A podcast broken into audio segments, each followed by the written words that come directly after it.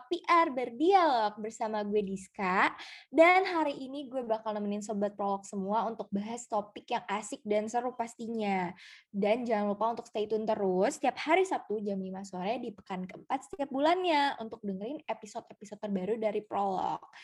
Hmm, meskipun opening gue hari ini sendirian, alias nggak bareng Neta ataupun Kavira, tapi episode kali ini gue nggak sendirian kita bakalan ngobrol-ngobrol lagi bareng Kade ya nih untuk ngulik informasi mengenai dunia permagangan secara lebih mendalam. Kan di episode sebelumnya nih kita udah bahas nih secara garis besar. Dan kali ini lebih detail lagi pastinya.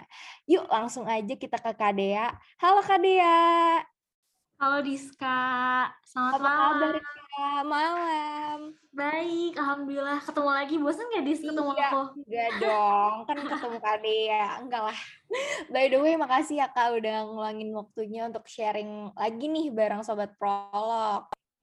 Iya, thank you banget Diska. Uh, aku happy bisa sharing-sharing lagi. Sendirian nih dilihat-lihat ya. Iya, Kali nggak sendiri nih hari Asik. ini. Kita berdua doang ya hari ini ngobrolnya. Yes, benar. Mm-mm. Dan eh, episode kemarin sih pecah banget sih Kak. Dan ternyata tuh banyak juga Sobat Prolog yang kepo soal permagangan. Khususnya di tahap persiapan atau preparation nih untuk magang.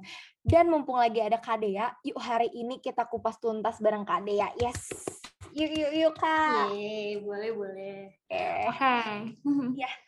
Langsung nih ya, aku eh, langsung aja nih on topik kayak aku masih penasaran gimana cara apply magang. Soalnya tuh dari sharing Kadea kemarin nih aku jadi ikutan pengen magang gitu gara-gara dengar Kadea. Dan mungkin Kadea boleh sharing nih ke kita gimana waktu awal-awal Kadea eh, apply magang gitu Kak. Boleh nih langsung aja Kadea. Oke, boleh. Eh, langsung aja jawab kali ya. Eh, sebelumnya disclaimer sih untuk eh, episode ini. Kalau kemarin kan aku memang lebih banyak cerita pengalaman-pengalaman aku ya. Eh, yang mungkin emang aku ceritanya based eh, on my experience gitu. Dan sekarang juga eh, karena banyak ngasih tips-tips, disclaimer aku juga mau eh, ngasih tahu ke kalian kalau eh, semua yang aku sampaikan pada malam ini itu semuanya juga berdasarkan pengalaman aku ya. Aku nggak tahu ini Oh, benar atau enggak ya berarti.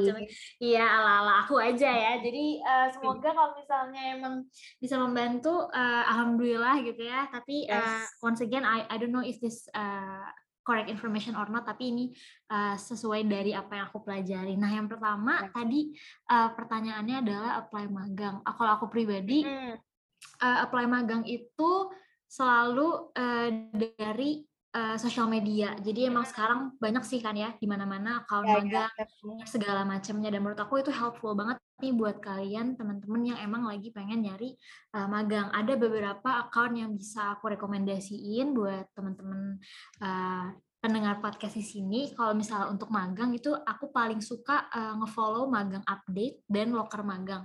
Dan juga ada anakmagang.id nah tiga account itu menurut aku uh, sangat update untuk uh, setiap harinya ya mereka ngupdate ada informasi di ma- uh, lagi buka di mana gitu ya. Terus kalau misalnya kalian lagi nyari yang bukan magang tapi volunteer, ada juga yang bagus yaitu IDN volunteer gitu. Nah, dari situ uh, udah tercantum sih biasanya posisinya uh, perusahaan apa yang lagi cari magang, terus posisinya apa, office base-nya di mana, misalnya kayak kalian misalnya emang aku pengen nyarinya yang di kantor-kantor yang di Jakarta aja. Nah, itu mereka udah dari awal di depan posternya tuh udah ada keterangan lokasi office base-nya di mana dan bahkan kayak kita harus kirim apa aja apakah cuma CV aja ataukah mereka perlu porto itu uh, udah ada langsung di situ jadi uh, saranku ya Kak. betul kayak uh, banyak banget lah kita bisa dapat informasi magang tuh nggak cuma dari LinkedIn gitu ya, yang ibaratnya kita udah uh, well known untuk tempat cari kerja tapi di Instagram pun tadi dari kawan-kawan itu sangat update dan uh, I highly recommend this uh, for you guys untuk nge-follow. Gitu, Diska. kan tadi kam eh kak siapa? Kak Dea. KD ya, lupa kamu. Dis. iya. Eh, kak Dea nih Iya. udah mention nih tentang eh, permagangan nih. Aku tadi dengar juga ada per CV-an Mhm. Eh, aku mau nanya nih karena penasaran juga gitu gimana sih eh, menurut Kak Dea CV yang bisa memenuhi syarat bagi HR kira-kira ada nggak sih kayak kriteria CV yang baik gitu mungkin Kak Dea ada tips dan trik untuk komponen atau susunannya karena setahu aku ya CV ya gitu aja gitu mungkin Ya, Kak Dea betul. ada gitu Heeh. Oke. Sekarang tadi uh, move ke CV ya. Once again ini dis aku disclaimer lagi ya ini okay. pengalaman dan pengetahuan aku. Yeah, uh, okay. Kalau untuk CV sendiri ya yang menarik biar dilirik sama HR atau misalnya kayak interviewer kita uh, ada aku belajar banyak banget nih dari dosen-dosen uh, dari Mas Fauzan gitu ya dari cutting-cutting gitu ya. Yang pertama itu uh, jangan naruh uh, banyak informasi gitu. Jadi too much information in one page itu jangan. Uh, terus kayak kalau misalnya kalian nyantumin pendidikan itu tuh nggak perlu yang kayak dari SD, SMP, SMA sampai kuliah cukup oh, SMA iya, iya. kuliah aja. Dan akan lebih baik kalau misalnya kalian mencantumkan misalnya um, IPK gitu ya kalau untuk mm. di pengalaman pendidikan sekarang gitu IPK karena itu jadi tolak ukur juga seberapa serius kalian di bidang akademik gitu. Nah di luar itu di luar bidang akademik masukin pastinya adalah experience. Experience apa aja yang bisa dimasukin? Setahu aku experience magang experience organisasi Panitia terus gitu juga ya, iya betul volunteer semuanya itu bisa dimasukin uh, sesuai dengan pengalaman masing-masing. Nah cuman note dari aku adalah most of uh, us gitu dari aku juga dulu semester semester aku tuh kalau misalnya masukin experience aku detailnya itu aku cuma masukin job desk aku. Padahal sebenarnya akan lebih baik dan sangat direkomendasikan kalau misalnya kita masukin KPI atau hasil terukur dari misalnya project yang kita kerjain. Kayak misalnya aku uh, contoh ya, uh, aku di marketing kemarin yang aku ceritain, aku di iya. marketing yeah. uh, event Belajar Bandung Beauty Station. KPI-nya apa? Misalnya aku naikin, aku berhasil nih naikin followers sebagai marketing gitu ya. Terus kayak aku berhasil uh, mencapai insight segala macam. Jadi itu ada angka yang terukur. Jadi lebih kelihatan hasilnya. Nah biasanya kan kalau misalnya uh, interviewer atau recruiter tuh pas interview kita tuh based on CV kita kan, dia akan nanya nih gimana nih kita bisa sampai mencapai angka itu. Nah itu dari situ kamu bisa ceritain. Itu akan uh, akan lebih bagus lah untuk ketika interviewnya gitu.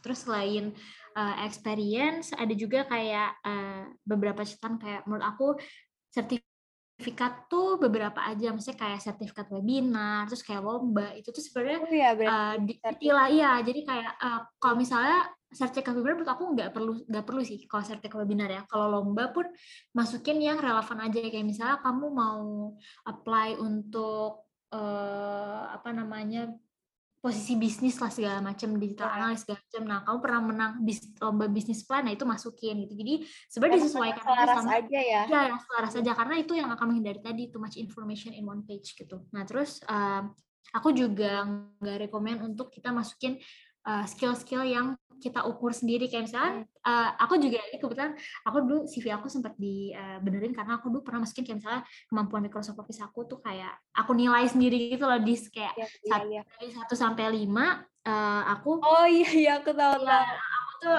empat lah bisa kayak gitu. Itu kan sebenarnya uh, ini banget ya pengukuran sendiri banget gitu. Nggak ada uh, apa namanya nggak ada buktinya. Nah itu better yang kayak gitu-gitu tuh mending kita perlihatkan di portofolio kita aja gitu. Kalau mau ya soft skill aja misalnya kayak kamu public speaking bisa apa tapi kayak nggak perlu diukur kayak gitu menurut aku ya.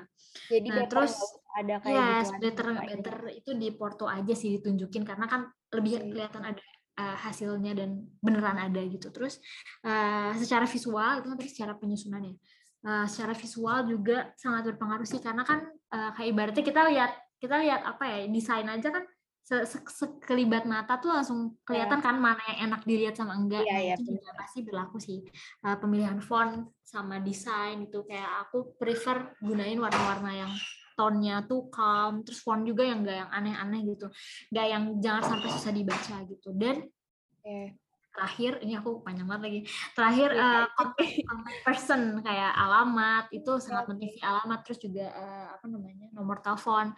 Karena itu akan sangat mempermudah untuk recruiter misalnya mau menghubungi kalian lebih lanjut gitu. Itu sih mungkin ya singkatnya kalau okay. oh my god sip aku aku dapat banget sih kayak karena aku hmm. jujur baru banget mau ngerevisi CV lagi karena iya. kayak bingung gitu loh karena aku juga iya. masukin kayak KD ya yang iya, iya. mulai diri sendiri itu iya, iya kayak seiring berjalannya waktu itu pasti CV kalian akan apa ya di up di update terus update, ya, okay, ya. mbak insight terus ya masukan dari orang gitu iya iya dan uh, ini nih kak aku baru akhir-akhir ini enggak sih udah beberapa bulan lalu kayak dengar uh, eh, CV yang ATS friendly dan non ATS friendly. Ah ya. Ternyata tuh ada perbedaannya ya kak. Aku kira tuh kayak CV ya udah ya, gitu. ada.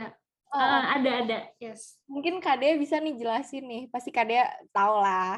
uh, iya, sama sebenarnya sama sih kayak Diska. Aku pun sebenarnya baru baru tahu tuh kayak semester lalu lah ada. Ternyata oh ada nih namanya apalagi nih kan? Maksudnya apa lagi yeah. ada lagi ada kan? Pusing gitu. Kayak kita tadi udah nyusun CV aja udah pusing. Ternyata yeah, uh, ada jenisnya lagi gitu. Jadi sebenarnya uh, dari yang aku tahu ATS friendly itu adalah CV yang mereka itu bisa ke-scan sama sebuah uh, software. Jadi sebenarnya ATS itu tuh ATS itu sendiri tuh adalah software aplikasi yang biasanya dipakai perusahaan untuk ngebantu mereka uh, milah CV ya, di Iya betul untuk ngedetect. Jadi kayak nge-scan gitu loh di scan. Iya iya iya. Ya, quick scan gitulah gitu. Nah uh, dari yang aku tahu juga uh, dari sekian banyak CV yang masuk itu tuh emang aku nggak tahu ini riset dari mana aku pernah baca atau aku pernah yeah. nonton video siapa katanya itu 25 persen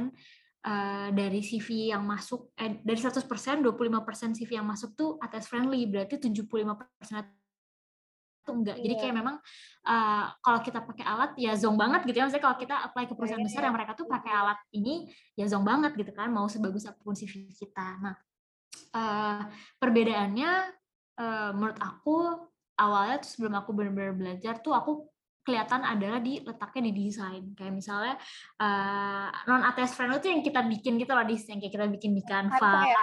iya jadi kayak CV CV Canva itu ya. yes, itu non ATS friendly gitu. Kalau ATS friendly itu sebenarnya uh, dia lebih simpel. Kayak gini penggunaan fontnya yang pertama ya kayak font tadi uh, mereka TNR, tuh gitu banyak kayak iya mereka pakai TNR Arial terus fontnya juga jangan lebih kecil dari ukuran 11 terus juga warna mereka bener-bener udah aja black and white gitu bener-bener nggak ada warna apa pun selain itu. Oh hmm, selain itu kalau kita juga tadi uh, non friendly kan kalau kita bikin Canva ibaratnya mau foto kita di atas, di tengah gitu kan, terus kayak peletakan misalnya apanya tuh bebas aja gimana kita gitu kan. Nah kalau misalnya atas friendly ini dia tuh ngurut, jadi kayak misalnya di atas tuh data diri dulu, data diri, nama, email, nomor telepon. Habis itu bawahnya ringkasan profil tentang diri kita secara singkat, bawahnya pengalaman kerja yang dari terbaru sampai yang ke uh, paling udah lama gitu ya. Terus pendidikan, skill baru kayak paling bawah yang kayak tadi lomba, uh, workshop segala macamnya gitu. Jadi bener urusannya tuh udah plek-plekan aja kayak gitu. Beda sama yang kayak kita iya, kita tuh bebas gitu kalau di yang non ATS friendly um, apa untuk ya? aplikasi oh. itu kakak ada hmm? tahu nggak apa gitu pakai apa ah, gitu itu itu aku kurang tahu sih Beb. Okay, uh, aku okay. takutnya salah ngasih info juga cuma okay, okay. Uh, yang aku tahu nanti kita ulik lagi ya nanti mungkin kita ya. ulik lagi ya terus uh, ada lagi nih dis uh, apa -apa, kalau misalnya ATS friendly itu biasanya uh, tips biar kita kebaca nih ya salah si software yeah, yeah. Uh, keyword jadi kayak misalnya gini kamu mau apply di perusahaan A terus uh, misalnya posisinya adalah marketing. Terus yang dicari kan biasanya tuh di si perusahaan itu nyantumin kan kayak misalnya yeah. si marketing butuhnya apa nih yang bisa misalnya managing social media bla bla bla bla. Nah, dari si apa namanya syarat-syarat itu kayak deskripsi pekerjaan yang dicari perusahaan itu uh, ternyata relevan nih sama pengalaman kerja kamu sebelumnya. Nah, nanti tuh si kata-kata itu, si keyword yang kayak managing social media itu kamu masukin ke CV kamu. Jadi misalnya aku sebelum apply ke perusahaan A di perusahaan B sebelumnya aku pernah uh, managing social media juga. Nah, itu tuh dimasukin gitu loh. Jadi disesuaikan sama deskripsi uh, pekerjaan yang emang dicari sama perusahaan itu gitu. Jadi kayak main di keyword gitu loh. Gitu. Oke, okay, okay, yeah. Jujur itu soalnya sih. aku kayak pas buat CV kayak aku harus buat ini semenarik mungkin dengan warna betul, yang betul. biar kayak yeah, yeah. enggak tadinya kayak out enggak ya lihat gitu tapi emang emang kalau Kurang. buat kayak anak-anak magang kayak kita mungkin enggak hmm. ini kali ya enggak enggak apa-apa mungkin ya enggak apa-apa sih mungkin ya maafkan uh, gitu ya biasanya kalau ini tuh untuk kita yang fresh graduate yang emang mau apply di perusahaan besar kan pasti eh, apa ya aplikannya banyak banget kan pasti ribuan oh. jadi mereka butuh untuk nge-scan otomatis itu. Jadi makanya perlunya format ATS friendly gitu. Benar-benar. Tapi nih selain CV, aku juga masih penasaran sama dokumen hmm? lain yang ternyata tuh dibutuhin gitu untuk apply magang. Dan aku tuh juga sempat lihat di sosmed kayak salah hmm? satu syarat magang tuh ada katanya kita harus buat application letter. Nah, menurut Kak Dea sendiri tuh gimana caranya kita buat application letter yang menarik supaya tuh kita bisa dilirik gitu Kak sama HR? Oke. Application letter ya, yes. Uh, ini juga aku notice ada beberapa memang yang perusahaan kayak mereka nyantumin kita harus iniin application letter ada juga yang enggak cuman uh, aku menyarannya setiap kita apply misalnya kayak posisi magang or volunteer emang bagusnya tuh kayak apa ya dis kayak etika gitu loh application yeah, letter yeah. tuh kayak kayak biar uh, dilihat mereka tuh nggak wajib cuma kayak iya kayak serius nih gue mau apply ke eh, perusahaan eh, ini gitu. Kalau application letter sendiri sebenarnya yang aku aku pernah uh, waktu itu apply uh, dan bikin application letter jadi aku nggak tahu ini sebenarnya urutan yang benar apa enggak. Cuman waktu itu yang aku masukin di letter aku adalah pertama uh, di paling atas itu kop kayak ya profil aku ya kayak tadi alamat nomor telepon habis itu bawahnya adalah misalnya kayak dear HR atau segala macam terus aku ngenalin diri aku. Itu paragraf pertama kayak aku ngenalin diri aku aku siapa mahasiswa di mana gitu ya. Habis itu uh, aku masukin juga aku tahu informasi magang ini tuh dari mana. Kayak misalnya uh, aku melihat lowongan ini dari Instagram atau LinkedIn kah atau dari mana kayak gitu. Nah habis itu uh, jelasin kamu tertarik untuk apply di posisi apa. Jelasin lagi kayak dan di sini aku interest untuk misalnya apply di posisi marketing di perusahaan anda gitu kan.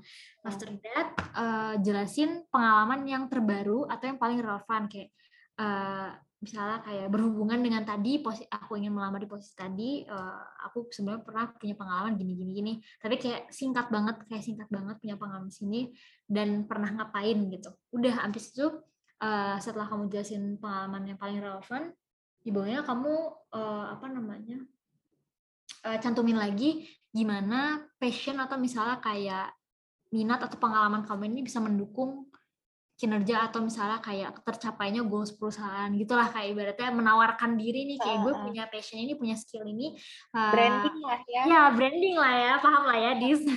Yeah.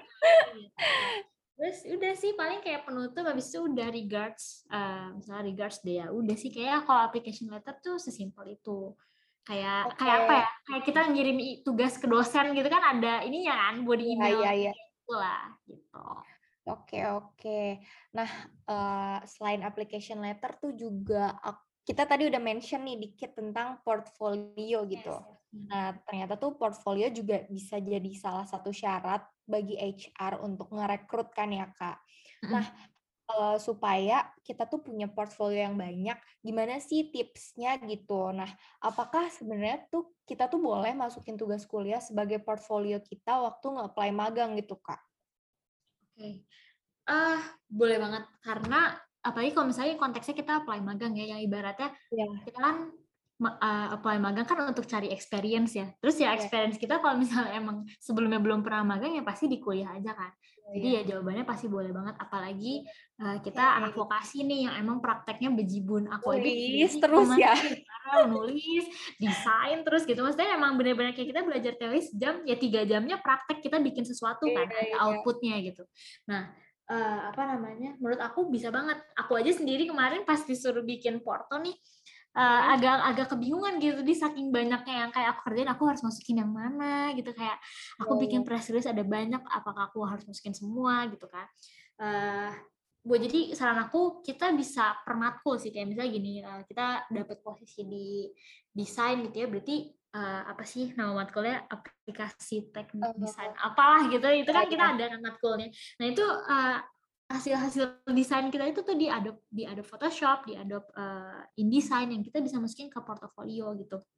Terus juga uh, kalau misalnya kita punya mau apply untuk posisi PR ya kita masukin tuh press release kita, tulisan-tulisan kita, kamu suka nulis di blog segala macam. Jadi intinya ya secara visual aja ditunjukin gitu apa yang udah pernah kita kerjain sama kuliah. Oke, oke, oke. Jadi terjawab ya guys. Boleh pakai tugas kuliah. Karena aku mikir kayak kayaknya harus buat baru deh. Oh, enggak, enggak. Iya, makanya udah pusing boleh banget pakai tugas By the way nih Kak, udah nggak mm -hmm. kerasa udah masuk sesi Q&A. Gila, kita ternyata udah lama juga ya ngobrol. Seru ya, seru ya kalau nggak pernah kerasa ya jujur kalau ngobrol-ngobrol iya, kayak gini. Iya. Dan aku mau mulai baca ini pertanyaan pertama dari Ed Prilideo. Katanya, apakah Kak Dea punya tips interview agar kita bisa langsung dilirik recruiter dan diterima kerja? Nah, cocok banget karena aku juga penasaran nih uh, sama uh, sama pertanyaannya nih mewakili aku Hmm. banget gitu. Soalnya tuh aku dengar dari cerita banyak orang, bahkan di TikTok juga ada yang cerita kalau misalkan mereka tuh lolos pas seleksi berkas, tapi tuh mereka gagal gitu Kak di seksi Yes. interview, seleksi Hmm. interview gitu. Nah mungkin Kak Dea nih bisa eh, tipsnya apa gitu? Oke. Eh, tips ya.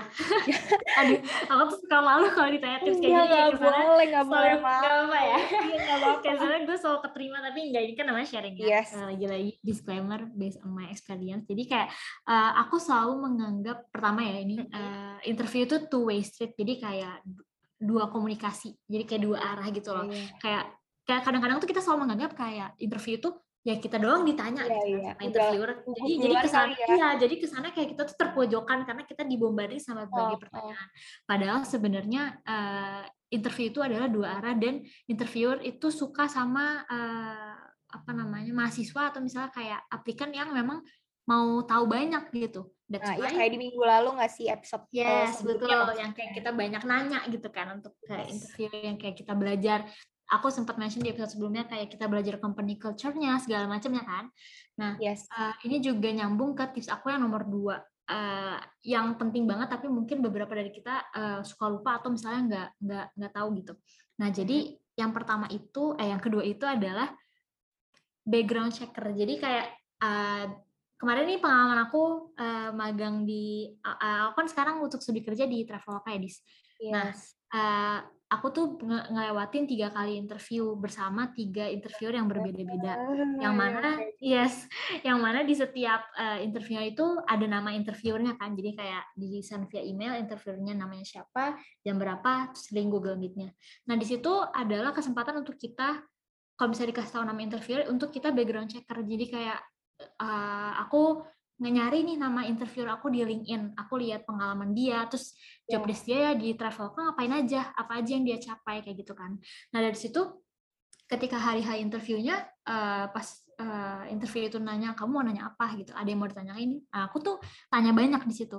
Aku tanya banyak kayak misalnya eh, di LinkedIn dia tuh banyak eh, pencapaian atau kayak project-project. Nah itu apakah aku juga akan terjun ke project-project itu? Jadi kayak Uh, nanti kalimatnya tuh yang kayak uh, kemarin aku sempat background checker mbak ini gitu terus aku Hmm. lihat gini gini gini gini apakah gini gini jadi kayak beneran kelihatan kalau kita tuh emang gitu eager ya. to learn iya kayak kita tuh Iya, iya. well prepare gitu untuk mengenal uh, siapa sih uh, orang-orang di dalam company yang lagi kita mau tuju gitu kan Iya, iya. Nah, Terus habis itu juga uh, selain background checker, nah terus background checker itu nggak cuman bikin kita kelihatan kayak emang uh, pinter dan pengen tahu gitu, itu juga bikin kita lebih deket sih menurut aku ya sama interviewer. Jadi kayak kamu nggak kaget gitu, apalagi kan virtual gitu ya.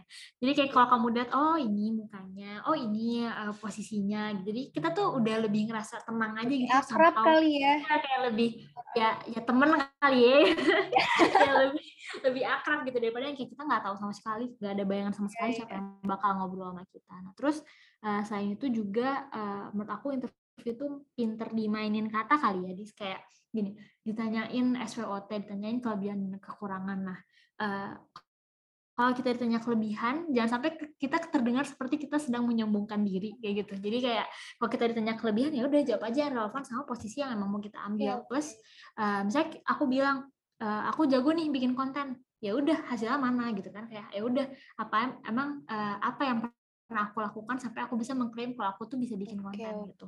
Terus kalau misalnya ditanya kelemahan, kadang bingung Iya, gak sih bis kalau ditanya kelemahan? Heeh. soalnya soalnya kayak emang yang ngukur diri sendiri tuh emang sulit gitu kan kayak kayak terus juga admitting ibaratnya kayak eh gue, ngakuin kelemahan gue gimana nih biar nggak terlihat lemah. Nah itu adalah dengan mengubah uh, kelemahan kita jadi sesuatu yang bisa nanti jadi kelebihan. Jadi ibaratnya uh, ditanya nih kelemahan kamu apa? Aku jawab misalnya uh, aku orangnya kurang organized gitu. Jadi kayak kadang uh, dari hal-hal yang kurang organized itu aku jadi bingung nih harus nyelesain pekerjaan yang mana dulu. Itu kan kelemahannya jadi kan agak berantakan gitu takutnya. Nah tapi jangan khawatir eh, mas atau mbak gitu. Eh, aku udah apa namanya melakukan eh, punya solusi untuk eh, mengatasi hal itu gitu. Kayak gimana caranya aku bisa organize? Lah aku mulai pakai aplikasi apa sih kalau buat eh, planner tuh kayak Notion terus kayak Google Calendar kayak gitu. Jadi kayak dari kelemahan itu kamu kasih solusi yang bisa meyakinkan interviewer bahwa ya udah kelemahan itu masih bisa lo ubah kayak gitu Jadi kayak pinter dimainin kata gitu loh. Oh iya, jadi balik lagi ke kata ya. Yes. Jadi kayak Yes. kita seolah-olah tuh menenangkan mereka Iya, gitu. menenangkan mereka gitu. Jadi kayak perlahan worries gitu. ya. Kita gue punya solusi untuk itu gitu. Terus Iya. eh, ada lagi yang aku note banget itu percaya diri sama ramah. Jadi ini eh, tadi kamu kan bilang ya banyak pengalaman orang yang kayak udah lolos di berkas tapi itu gagal di interview. I experienced that once. Jadi pertama kali banget aku eh, apa namanya, maksudnya kayak punya pengen nyoba ini itu, aku tuh pernah nyoba di salah satu teater eh, apa namanya teater Jakarta gitu ya.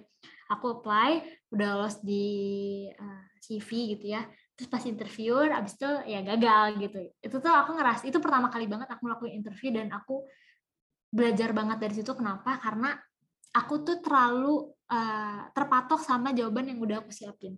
Jadi kayak sebelumnya tuh temen aku ada yang udah interview jadi aku udah udah tahu nih bocoran Oh iya, apa oke aja. oke. ya kan? Terus aku nyatet banget gitu loh di kayak bener-bener yang sampai kayak ini aku ngomong kalau aku ngomong sekarang nggak ngobrol aja gitu kan. Nggak Iya. nggak pakai apa tuh. itu yang sampai kayak kalimat-kalimat itu aku susun gitu loh. Jadi ketika interview tuh aku bener-bener Iya, iya paham paham. aku tulis paham kan nah itu somehow menjadikan interviewnya jadi kayak tegang banget abis itu yang kayak Kayak padahal itu sebenarnya gue apply for a theater man kayak itu sebuah tersetting ya. eh, yang kayak yang kayak interviewer sebenarnya orangnya ekspresif dan santai gitu tapi kenapa gue kaku banget gitu itu nyesel Oke. sih maksudnya yang kayak kerasa banget jadi atmosfernya jadi ya harusnya gue bisa nih lebih lebih apa ya lebih lentur apa sih kita Kan lebih belajar ya kak.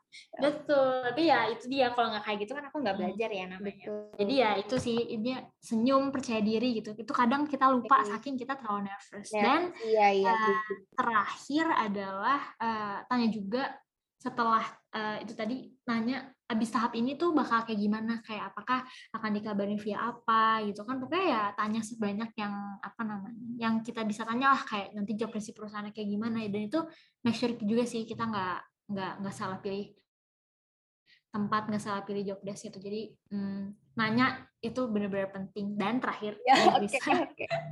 aku ada uh, rekomendasi nih kalau misalnya teman-teman ada yang mau apa namanya kayak nyari tips-tips kayak do and don'ts during interview segala macam bisa follow Instagram uh, at liputan kerja jadi aku kayak sebelum interview atau kayak siap apa pun itu sering banget tuh baca-baca tips dari situ kontennya berguna banget dan kalau misalnya uh, lebih into ke daripada baca ya lebih into kayak ke video dengerin orang ngomong itu di TikTok ada namanya Mbak Vina Vina Mulyana tau gak sih kayak dia pernah wah, dengar itu deh. Iya itu kayak kalau kalian start sekarang itu kalian sering lihat di FYP sih pasti. Iya. Nah itu dia sering ngasih tips yang sangat berguna. Jadi kayaknya uh, itu sih tips and trick interview bisa kalian pelajarin di mana aja. Itu dua dua dua kuncian aku tuh yang sering aku ikutin.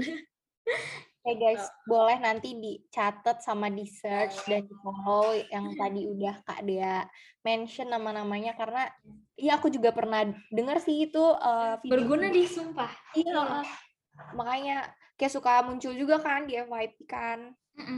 Iya dan ini last question yang mewakili aku banget nih dari Ameimei dia nanya gimana sih caranya atur LinkedIn biar menarik dan dilirik oleh HR yang bergabung di LinkedIn mungkin boleh langsung nih dijawab sama Kak Dea Oke. LinkedIn ya.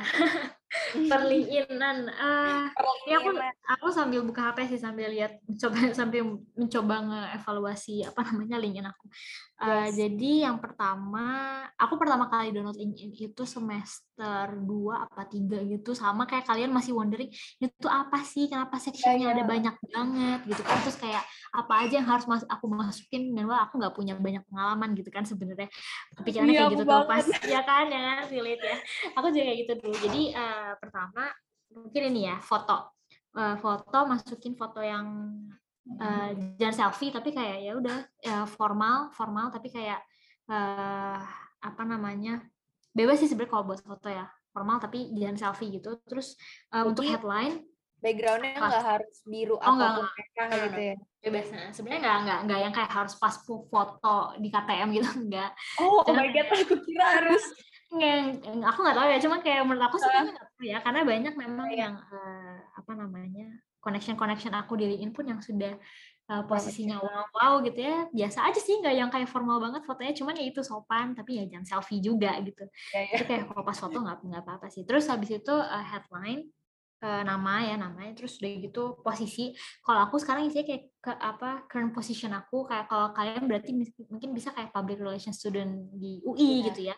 Terus juga yeah apa namanya misalnya lagi ada volunteer apa yang menurut kalian kalian bangga dengan itu pasang aja di headline gitu ya.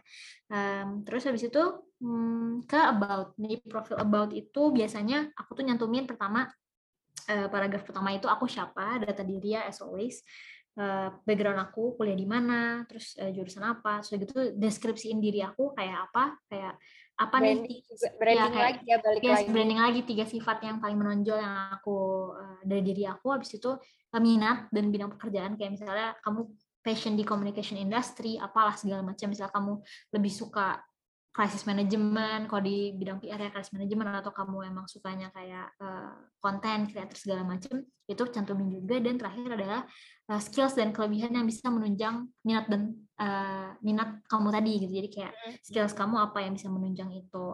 Habis itu uh, ada section featured Nah ini adalah section yang bisa kamu masukin kalau misal kalian uh, kalian kan biasanya kalau tugas kuliah ada ya suka ngupload artikel kayak syarat yeah. uasnya harus upload artikel di mana. Nah itu kayak publikasi-publikasi kalian itu yang di internet apa pun itu yang kayak ibaratnya mau kalian banggakan itu taruh aja di feature kayak misalnya aja, uh, ya.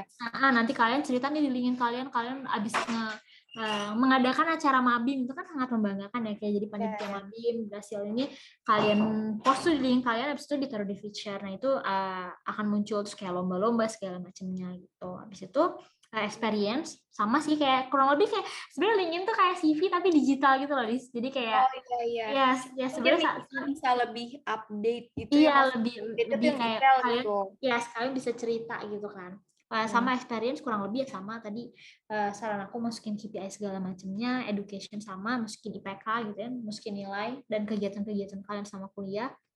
Terus sudah deh, uh, biasanya ada juga section recommendation. Biasanya kalau misalnya aku habis uh, magang atau misalnya aku habis kerja nih sama teman-teman aku, aku saling ngasih rekomendasi kayak gimana sih kerja sama gue. Gue tuh orangnya kayak apa sih? Nah itu bagus sih, maksudnya uh, dari kini juga aku ada suka nilai ya. orang. Iya, jadi kayak uh, tahu lah the power of word of mouth gitu ya gimana powernya PR kan kita brandingnya nggak nggak ngomong eh gue pinter nih tapi kalau ada yang yeah. ngomong dia pinter dari nih atau bisa pinter nih yeah. dari orang itu kan lebih uh, trust gitu ya ningkatin trust terus hmm. accomplishment biasanya kayak uh, tulisan-tulisan kalian lomba biasa sih gitu ya kurang lebih gitu sih dan uh, saran aku mungkin kalau di LinkedIn poin plusnya kalian bisa cerita apa pun sih ya. Jadi kayak itu ningkatin sangat-sangat meningkatkan uh, engagement LinkedIn kalian gitu. Kalau misalnya kalian aktif cerita habis ikut kegiatan apa, lomba apa. Iya, yeah, it would, it kan your LinkedIn grow. Yes. apalagi kan kalau LinkedIn kan di media sosial. Jadi kalau orang tuh bisa lihat gitu, bukan cuma recruiter benar, doang. Benar, benar. Siapa pun iya. bisa lihat dan uh, dari situ biasanya uh, nambah connection sih dis. Kayak pertama hmm. tips aku connect sama teman-teman kuliah dulu ya. Pasti teman-teman kuliah teman-teman SMA gitu ya uh, habis itu nanti dari situ kalau misalnya kalian sering ngepost kan sering apa itu pasti biasanya suka diajak connect aja gitu yeah, sama yeah, yeah. anak kampus lain segala macem gitu jadi kayak aktif kayak nge like likein postin postan mereka misalnya kalian lihat di uh, homepage kalian ada yang menarik nih uh, info menarik like aja terus kalau menurut kalian ada pencapaian mahasiswa kampus lain yang menarik like aja gitu terus kalau mau connect sama orang jangan lupa kayak Uh, message mereka dengan bahasa yang bagus. Itu sih paling kalau untuk mengembangkan ini bisa lah ya kita kalian-kalian bisa lah ya. Bisa langsung bikin konten ya bisa lah. Dari Kadea, oke. Okay. Dan ini udah aku wakilin nih semua pertanyaan dari sobat prolog dan nggak kerasa banget sesi ngobrol kali ini kita harus udahan dulu. Ya sedih ya.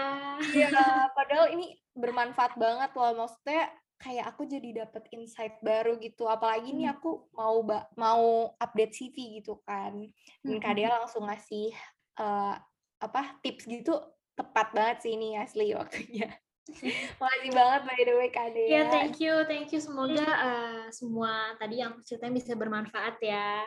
Iya, buat dan teman-teman pendengar semua. Thank you. Ya, by the way, aku mau bilang makasih karena Kak Dea nih udah ngeluangin waktunya karena aku tahu Kak Dea nih lagi magang, lagi sibuk tapi mau gitu untuk hadir jadi bintang. Doain aja ya Dis bisa surprise yes, gitu.